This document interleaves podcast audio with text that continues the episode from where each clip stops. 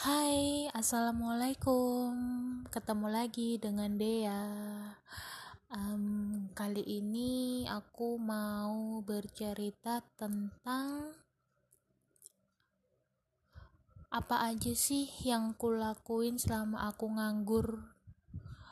Ya, kalau dibilang nganggur sepenuhnya sih enggak, karena di masa-masa aku lagi ikhtiar cari pekerjaan, alhamdulillah dapat tawaran sebagai surveyor di BPS Sidoarjo. Jadi beberapa bulan kurang lebih totalan kalau ikut kegiatan itu 3 sampai tiga bulan sih sebenarnya di kontrak di surat tugasnya itu tapi karena ada suatu hal di pusat akhirnya ada molor jadi empat bulanan. Terus nunggu cair itu total semua berarti enam bulanan. Lima atau enam bulanan lah. Jadi lumayan agak lama nunggu cairnya. Tapi ya alhamdulillah ada uang tipis-tipis. Jadi bisa buat tiket ke Bandung. Kebetulan pas lagi ikhtiar cari pekerjaan kemarin aku menang giveaway kayak program ta'aruf gitu di Bandung. Dan acaranya cukup seru. Di sana banyak pengalaman ilmu yang bermanfaat yang bisa aku ambil. Jadi ilmu pranikah tata cara ta'aruf itu yang benar gimana. Terus ada program apa ya kayak investasi mau duit namanya. Jadi mengelola keuangan untuk jangka panjang itu juga ada. Terus cara komunikasi yang baik dan benar di suatu hubungan itu kayak apa itu juga ada. Jadi acaranya satu hari dari pagi sampai sore dan itu banyak banget ilmu yang bisa aku dapat selain itu ya seperti biasa karena aku seneng hunting hadiah giveaway kayak gitu jadi selama sesi acara berlangsung aku banyak nanya. Banyak nanya ya karena aku butuh informasinya juga. Terus alhamdulillah dapat macam-macam lah ada tas, kemudian ada perawatan dari azalea. Ya lumayan lah namanya cewek ya tas sama produk kecantikan sih itu yang penting. Dan oh iya, aku mau menyinggung satu hal yang sempat aku dengar dari salah satu teman yang bilang kamu kok nyantai banget sih? Kayak nggak buru-buru cepet dapat kerja apa nggak pengen kerja lagi? Gitu dia bilang. Ya kalau dibilang nyantai banget sih enggak tapi kan aku nggak mungkin bilang aku tuh tiap hari tiap bulan itu selalu ikhtiar ngelamar sana sini sana sini. Tapi ya gitu nggak belum ada yang cocok belum ada yang manggil. Masa ya aku harus ceritain sedetail itu ke dia ataupun ke yang lain? Atau apa aku harus beberin semua di sosmed? Kan ya enggak ya biarlah dia ataupun mereka menyangka kalau aku kayaknya nyantai banget nggak nyari kerja ya ya udah ndak apa-apa. Itu hak mereka untuk berpikiran seperti itu. Yang penting kalau aku pribadi dan orang-orang terdekatku tahu kalau memang aku ada ikhtiar cari pekerjaan. Tapi ya namanya rezeki kan Allahu alam. Jadi ya mungkin usaha yang satu belum kelihatan mungkin di usaha kedua ketiga dan seterusnya. Yang penting tetap semangat aja. Lalu aku berpikir lagi bahwa rasa-rasanya mungkin Allah ngasih jeda aku untuk ngerasain apa yang belum pernah aku rasain sebelumnya selama aku bekerja. Jadi aku itu dulu bekerja di dunia call center bisa dibilang total itu sekitar hampir lima tahunan kali ya lima tahunan lebih lah di dunia call center.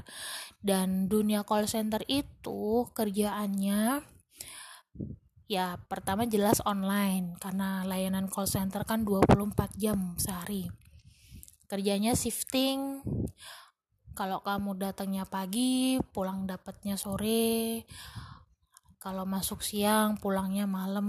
Itu belum termasuk lembur ya. Jadi dunia call center itu aku kerja di dua perusahaan yang berbeda. Ada tiga sih tapi yang satu perusahaan yang pertama kali aku kerja itu hitungannya cuma 8 bulan. Karena dapat alhamdulillah dapat panggilan di call center yang di Denpasar. Jadi berbagai macam dunia call center yang aku tahu ternyata kemampuanku terbatas ketika aku harus berlembur ya. Jadi kesehatanku cukup menurun karena online yang terlalu panjang itu benar-benar terasa banget capeknya. Belum lagi kalau harus dapat customer yang ngomel aja wih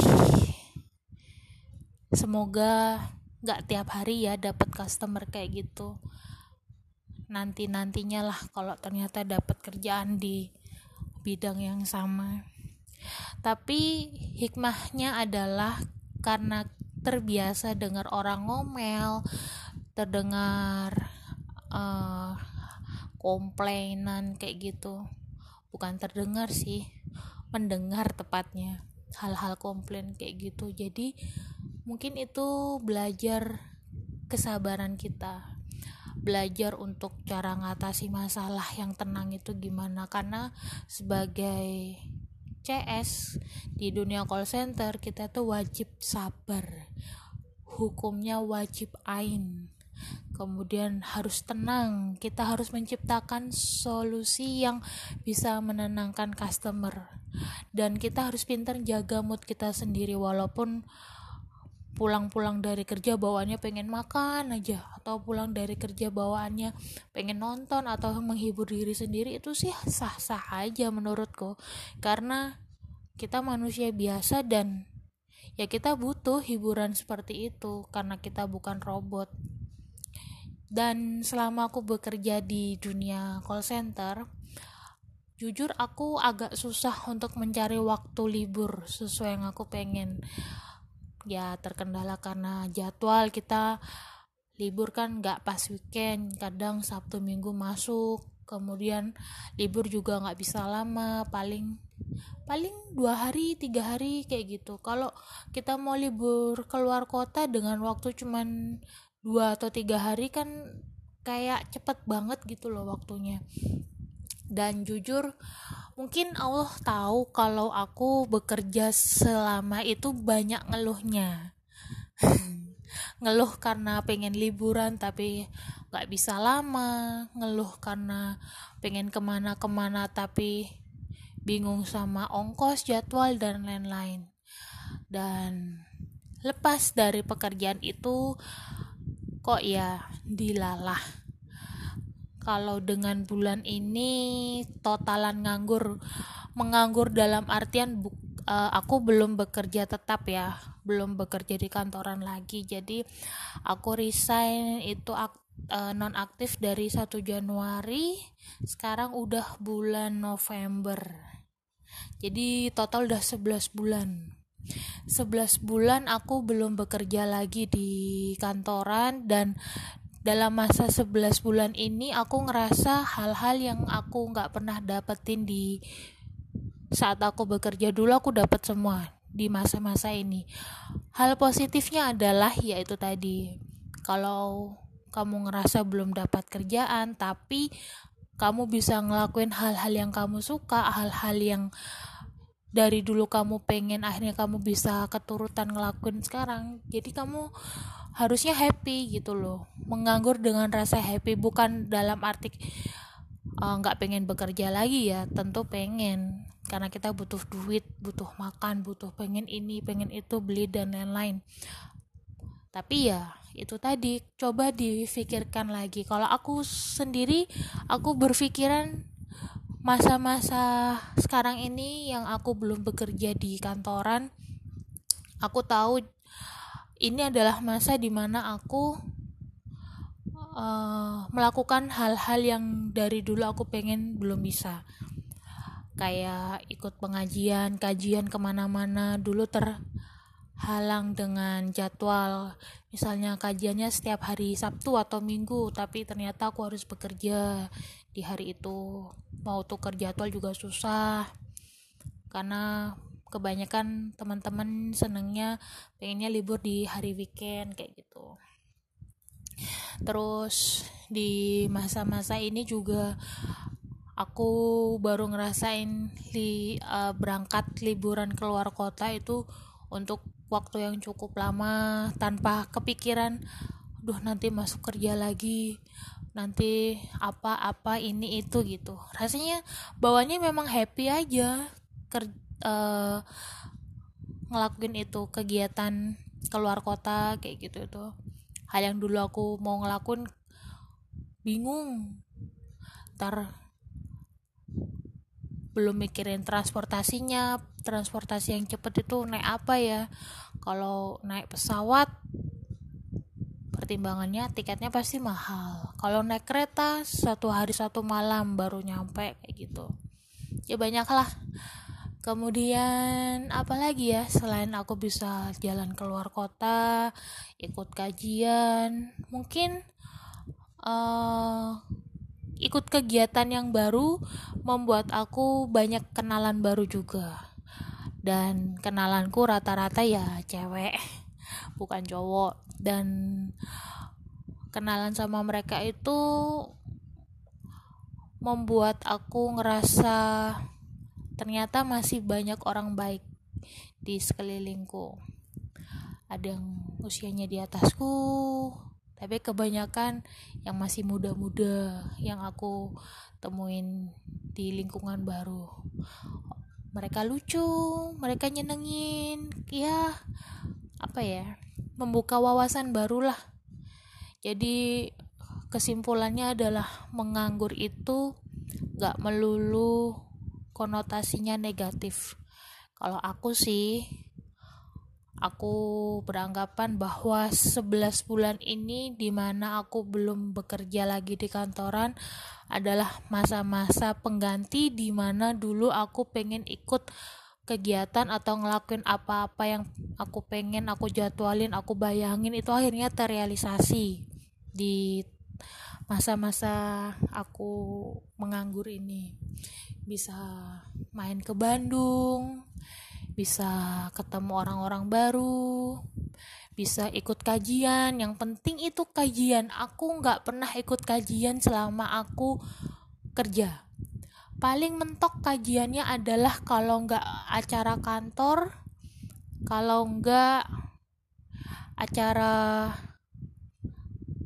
ya muasabah kantor juga sih. Pokoknya kaitannya sama kantor lah. Tapi kalau di luar kantor itu ada tapi aku nggak bisa ngikutin karena terhalang sama jadwal. Paling bisa cuman sekali dua kali tapi nggak bisa sering. Terus ikut kegiatan uh, kebetulan aku ikut komunitas hijabi Surabaya. Jadi kemarin itu hijabi Surabaya dapat banyak undangan menghadiri acara uh, macam-macam ada acara di Royal ada acara di hotel-hotel berbintang kayak gitu. Yang materi-materinya adalah benar-benar bagus. Dan seperti biasa ada goodie bagnya. Aku seneng aja ikut kegiatan kayak gitu. Selain dapat ilmu dapat uh, varian goodie bag juga. Ya nggak munak ya namanya cewek kalau aku sih senengnya seperti itu. Nggak tahu lagi kalau yang lain senengnya ke mall. Ya aku juga seneng ke mall cuman bukan bukan suatu hal yang wajib untuk ke mall gitu. Ya aku seneng ke mall kalau memang pengen nonton film aja. Atau memang ada mau ketemu sama orang atau mau jalan-jalan sama keluarga. Tapi bukan yang hal utama banget. Kalau aku cenderung ikut kegiatan-kegiatan kayak gitu yang memang materinya aku suka kemudian ada informasi yang aku butuhkan juga. Kemudian ada ya syukur kalau ada goodie bagnya ya. Alhamdulillah kalau enggak pun ya gak masalah juga. Gitu. Intinya yang bisa aku sharing malam ini adalah jangan pernah merasa minder kalau kita belum dapat pekerjaan yang sesuai. Mungkin ketika kamu di masa menganggur itu adalah masa-masa di mana Allah ngasih ganti waktu pergantian waktu yang dulu kamu nggak bisa dapetin di masa kamu bekerja tapi di masa kamu menganggur saat ini kamu bisa ngelakuin banyak hal yang sudah lama kamu pengen lakuin aku berusaha mengambil sisi positif dari hal-hal yang mungkin orang lain mengira padahal lo kondisi kayak gitu nggak enak. Kayak nganggur nggak bekerja nggak punya duit dan lain-lain. Ya jujur memang nggak enak karena nggak punya duit. Tapi ya kembali lagi selalu ada hal baik di setiap apa-apa yang kita lakuin. Selama itu niatan kita itu baik. Bukan karena nganggur dengan sengaja bukan. Karena kemarin aku terakhir resign alasan kesehatan yang aku sempat ambruk suaraku habis. Karena lemburnya lembur bagai kuda kayak gitu. Buat yang tahu-tahu aja sih. Dan di masa aku belum bekerja aku juga berikhtiar untuk dapetin cowok. Bukan dapetin cowok sih uh, ikhtiar untuk dapetin jodoh. Ternyata memang belum belum mendapatkan di acara uh, sesi ta'aruf kemarin. Jadi ya berteman baik alhamdulillah. Kalau pun pengen dapat jodoh ikhtiarnya kayak gimana lagi ya hmm, mungkin masih untuk saat ini perlu ditingkatkan lagi doanya supaya dapat jodoh yang terbaik. Aku selalu bilang sama diriku sendiri antara jodoh sama karir yang mana duluan itu pasti yang terbaik yang Allah kasih ke aku. Alhamdulillah kalau dikasih dua-duanya barengan Tapi kalau ternyata dikasihnya satu persatu juga ya Alhamdulillah, tidak apa-apa. Yang penting Allah masih sayang sama aku sama keluargaku masih dikasih kemudahan cari rezeki ya alhamdulillah banget lah. Terima kasih. Dan sekali lagi jangan pernah rasa minder kalau belum dapat pekerjaan insya Allah. Dari semua ikhtiar usaha itu pasti akan ada goal lah. Pasti akan ada yang tembus entah itu kapan waktunya. Yang penting jangan patah semangat. Kalau orang mengira aku kayaknya happy happy terus kayaknya aku nggak ada masa-masa sedihnya ya mereka nggak tahu aja gimana stresnya aku gimana frustasinya aku gimana aku harus minta tolong ke siapa dalam kondisi tertentu yang aku udah nggak kuat. Yaitu itu pernah kurasain kayak gitu. Tapi mungkin hanya orang-orang tertentu aja yang tahu dan mungkin banget hanya satu dua orang yang bisa memahami kondisiku seperti itu well kalau ada masalah kalau nggak bisa diselesaikan sendiri ada baiknya sharing ke orang lain. Tapi sharinglah ke orang yang benar-benar kamu percaya dan orang itu memang bisa memberikan solusi yang baik. Bukan hanya menjudge bukan hanya menghakimi tapi benar-benar dia selain bisa mendengar dia bisa memahami dan dia bisa mensupport jadi bersyukurlah kalau kamu udah nemuin temen atau sahabat atau saudara yang bisa memahami kamu dengan baik dan sekian untuk cerita malam ini, semoga bermanfaat dan Semoga yang mendengarkan selalu bahagia, dilimpahkan, dimudahkan rezekinya, diberikan hal-hal yang baik dalam kehidupannya. Amin. Night. Assalamualaikum, selamat malam. Ketemu lagi dengan Dea. Malam ini aku mau bercerita tentang kasih sayang kasih sayang yang aku sendiri nggak pernah tahu bakal bisa sesayang ini sama seorang anak kecil ya karena aku belum nikah belum punya anak sendiri alhasil anak kecil yang ku maksud ini adalah anak kecil ponakan-ponakanku tersayang anak dari kakakku yang pertama. Um, jujur untuk ponakanku yang pertama uh, namanya Al Fatih Cecil Kennedy. Dan si Fatih ini kalau sama aku bisa dibilang kayak Tom and Jerry gitu. Sering berantem tapi ujung-ujungnya sih damai juga. Aku adalah opsi terakhir ketika dia nggak ada pilihan lain. Selama masih ada ayahnya bundanya yang mama yang papa pasti aku nggak akan dipakai alias aku nggak akan direken. Bahkan untuk ke kamar mandi ibarat kayak nyebokin gitu dia nggak akan mau aku sentuh jadi kalau masih ada yang mama yang papa pasti maunya dipegang sama yang mama yang papa. Intinya aku adalah opsi terakhir ketika udah nggak ada orang di rumah. Sama halnya kayak tadi nemenin dia ke acara ulang tahun temennya. Karena ayah bundanya harus nemenin adiknya si Migu ke dokter karena waktunya imunisasi akhirnya dia baik-baikin aku. Onti minta tolong ya nanti temenin gitu alhamdulillah. Nurut sih. Tapi kalau ada adikku si Aulia Desire itu si Ade pasti dia akan lebih milih ditemenin sama Mbak Ade daripada sama aku. Yakin dah. Karena dia tuh nurut banget sama adikku ini.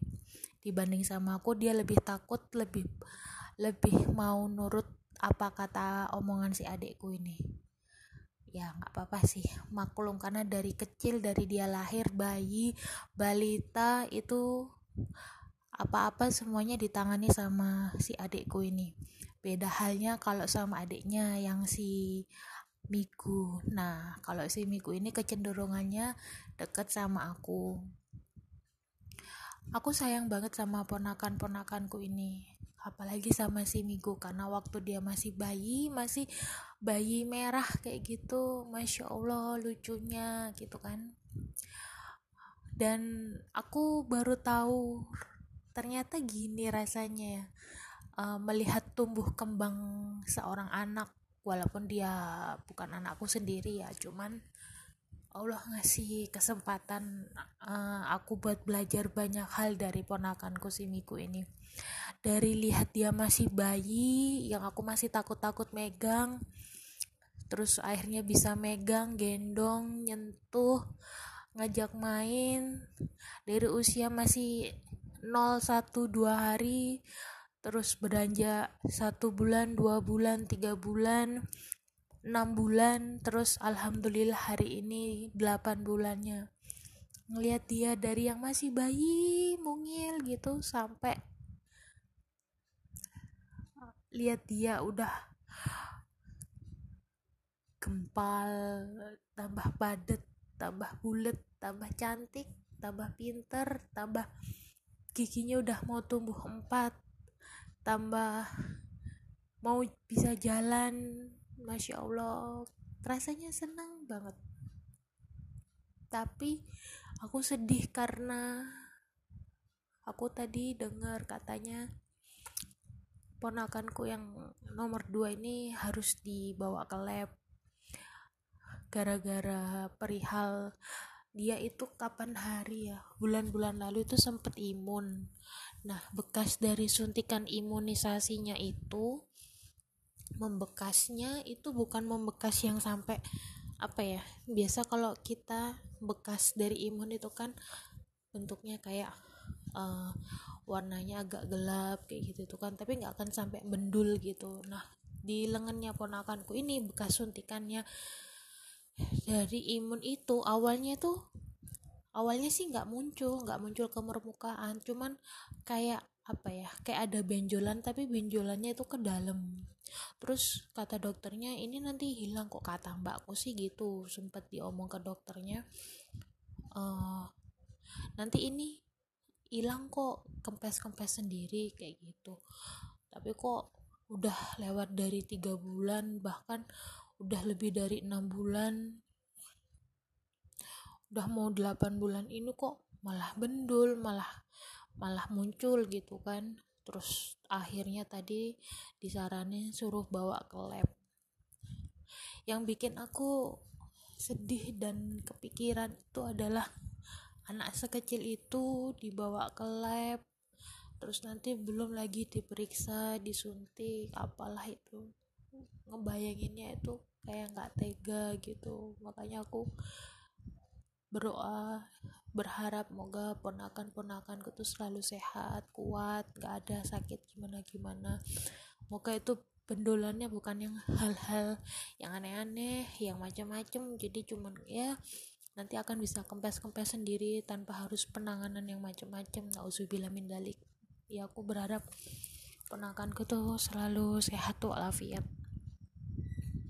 Karena aku bakalan sedih banget kalau sampai tangannya lengannya lengan kecilnya itu di diapain gitu kan. Disuntik tak diapain gitu. Sedih aja ada kejadian yang bikin aku sedih dan nyesel kalau sampai Miku itu kenapa kenapa yang mungkin udah pernah tahu atau dengar ceritaku kemarin ada something kejadian dan itu aku keinget lagi sekarang. Rasanya tuh nyesek sedih itu kan. Ponakanku ini gak bisa dengar teriak. Maksudnya teriak-teriakan kayak gitu. Dia bakalan nangis gitu. Kayak ngedenger ada yang ngebentak padahal bercanda ungkapan happy gitu. Tapi karena nadanya lantang keras gitu dia bakal nangis sesenggukan kayak gitu. Jadi ponakanku ini hatinya lembut banget. Namanya anak kecil ya cuman ya itulah. Jadi kalau keinget ke kejadian yang lalu itu ya sedih aja. Sedih karena aku selalu berusaha menjaga menciptakan kenangan-kenangan yang baik memori-memori yang baik di ingatan ponakan-ponakanku terutama si Miku ini karena aku gak mau dia punya memori kenangan yang jelek seperti yang aku punya seperti yang adikku punya kayak gitu jadi aku karena ada kejadian something kemarin itu sempat merasa nyesel dan gagal karena kecolongan gitu. Dia sampai nangis kayak gitu. Terus keinget lagi dia harus diperiksa ke lab. Mungkin agak lebay dan harusnya nggak usah berlebihan pikirannya. Cuman ya buat aku yang tiap hari nanganin dia tiap hari gendongin dia tiap hari yang dia minta gendong aku terus tiap hari yang dia baru bisa tidur di pelukanku. Nina boboin dia ngajak main dia kayak gitu. Rasanya sedih aja kalau dia sampai sakit sampai harus ada penanganan yang gimana gimana kayak gitu. Karena punya ponakan lucu gemesin cantik kayak gitu tuh ya karena yang satu rumah dan aku cuman punya satu perempuan itu ya sedih aja kalau sampai dia kenapa kenapa jadi aku harap buat siapa pun yang ngedengar ini aku minta doanya. Mudah-mudahan ponakanku si Miku itu selalu sehat walafiat dijauhkan dari berbagai macam penyakit. Mau itu penyakit ringan penyakit berat pokoknya dijauhkan dihindarkan. Semoga selalu sehat kuat ceria panjang umur buat ponakan-ponakanku semuanya. Ya ya. Aku sayang banget sih sama Miku. Sayang banget. Kalau kalian yang tahu aku sering posting dia itu karena apa ya dia kayak pelipur pelipur laraku. Dikala aku ngerasa sedih dikala aku ngerasa kesepian dikala aku ngelihat orang lain udah punya anak udah nikah.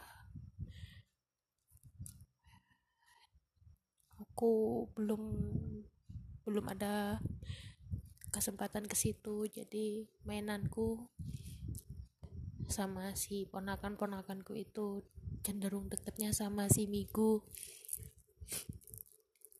Jadi ya kalau ada yang bilang itu anakku momonganku aku nggak keberatan karena ya aku ngerasa deket banget sama dia. Intinya aku nggak tega kalau ada yang ngasarin dia ngebentakin dia. Aku bakalan marah walaupun itu cuman neriakin bercanda gitu cuman aku nggak terima aja.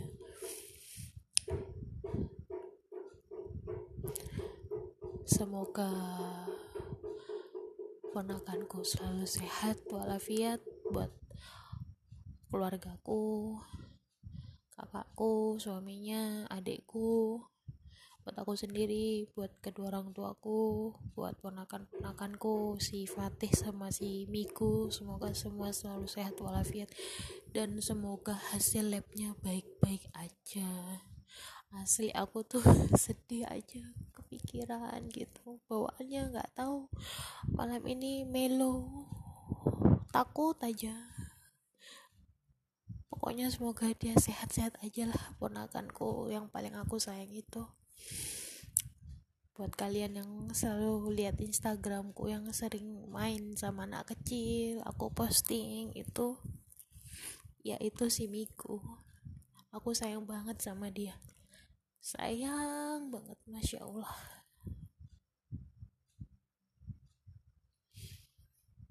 Alhamdulillah aku punya ponakan yang cantik lucu gak mesin semoga selalu sehat ya dek. Sehat sehat sehat. Amin. Terima kasih udah dengerin curahan ceritaku malam ini tentang kasih sayang. Ya kasih sayang seorang onti kepada ponakannya sendiri. Anak kecil yang paling disayang. Udah agak mendingan sih sekarang. Mudah-mudahan gak ada yang gimana-gimana lah. Amin. Good night.